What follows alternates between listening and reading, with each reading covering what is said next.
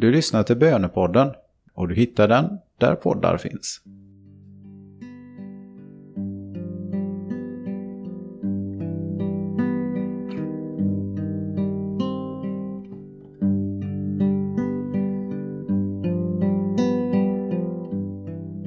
Gud är en vän av tystnad, stillhet och reflektion. Om våra hjärtan är öppna och uppmärksamma för Guds ord så kan det förvandla oss. Därför måste vi nu bli stilla. Var du än befinner dig har du möjlighet att bli lugn och stilla. Nu är tid för Gud. Nu är tid för att lyssna, reflektera och be.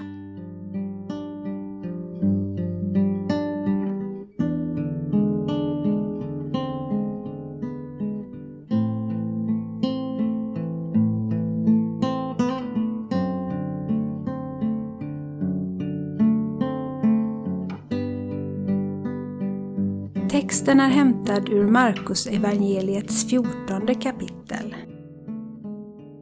Medan Jesus var i Betania och låg till bords hemma hos Simon den spetälske kom en kvinna med en flaska dyrbar äkta nardusbalsam.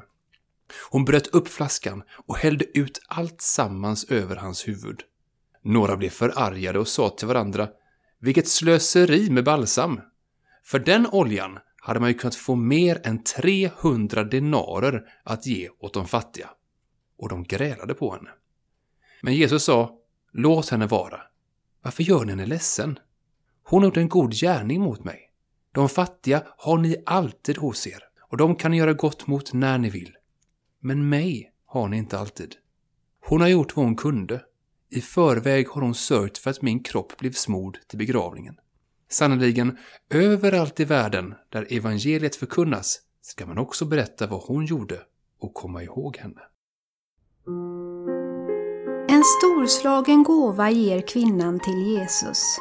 Äkta nardusbalsam var något väldigt dyrt och sällsynt. Något kvinnor bar om halsen tätt intill sig, nära sitt hjärta.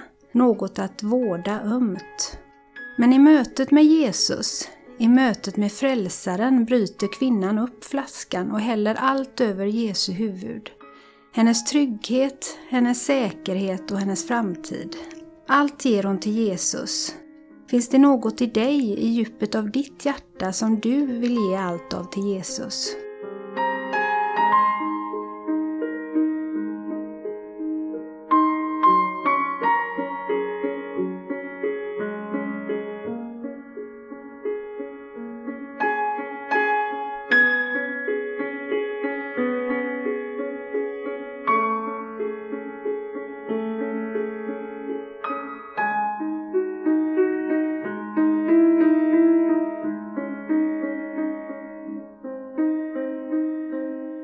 Den storslagna gåvan provocerar somliga. Kunde man inte ha gett överflödet till de fattiga? På ytan är det en legitim fråga, men vissa frågor används för att dölja egna tillkortakommanden. Innan det anklagade fingret pekas på vad som är fel i samhället så måste en kristen först och främst rikta det fingret mot sig själv. Om jag tycker att samhället gör för lite för de fattiga så måste jag först ställa mig frågan, gör jag tillräckligt för de fattiga? Guds rike är inte andras ansvar. Guds rike måste börja med dig och mig. Vad tänker du om det?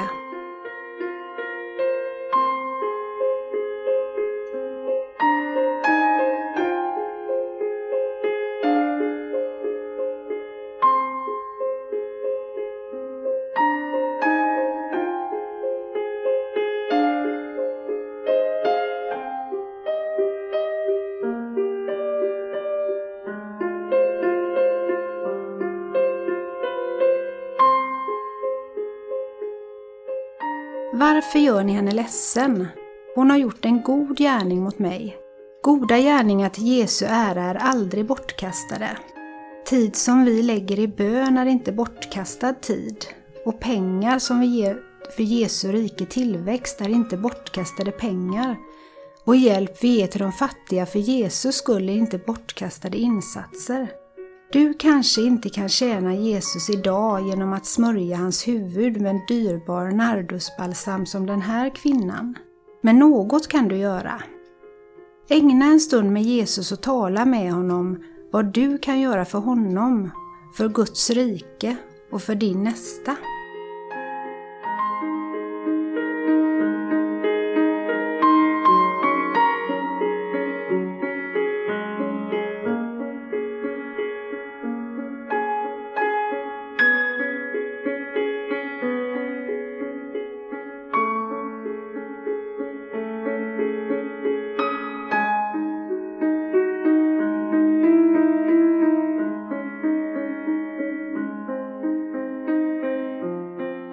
Lyssna till texten en gång till.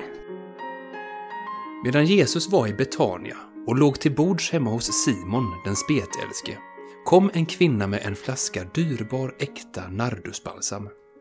Hon bröt upp flaskan och hällde ut allt sammans över hans huvud.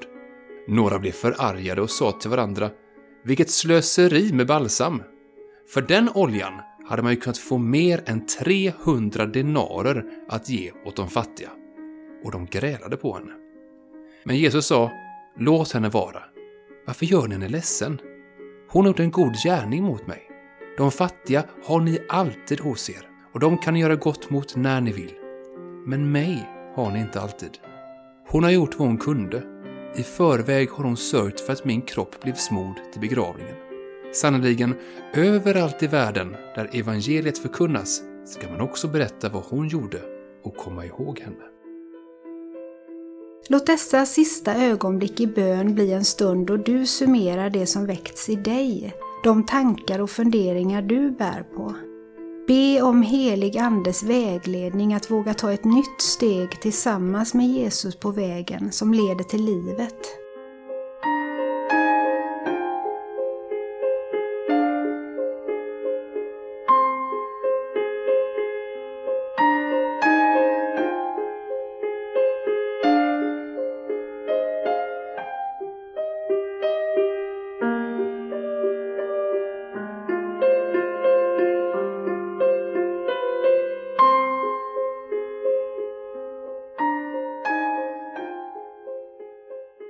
Ära vare Fadern och Sonen och den helige Ande, så som det var av begynnelsen, nu är och skall vara, från evighet till evighet.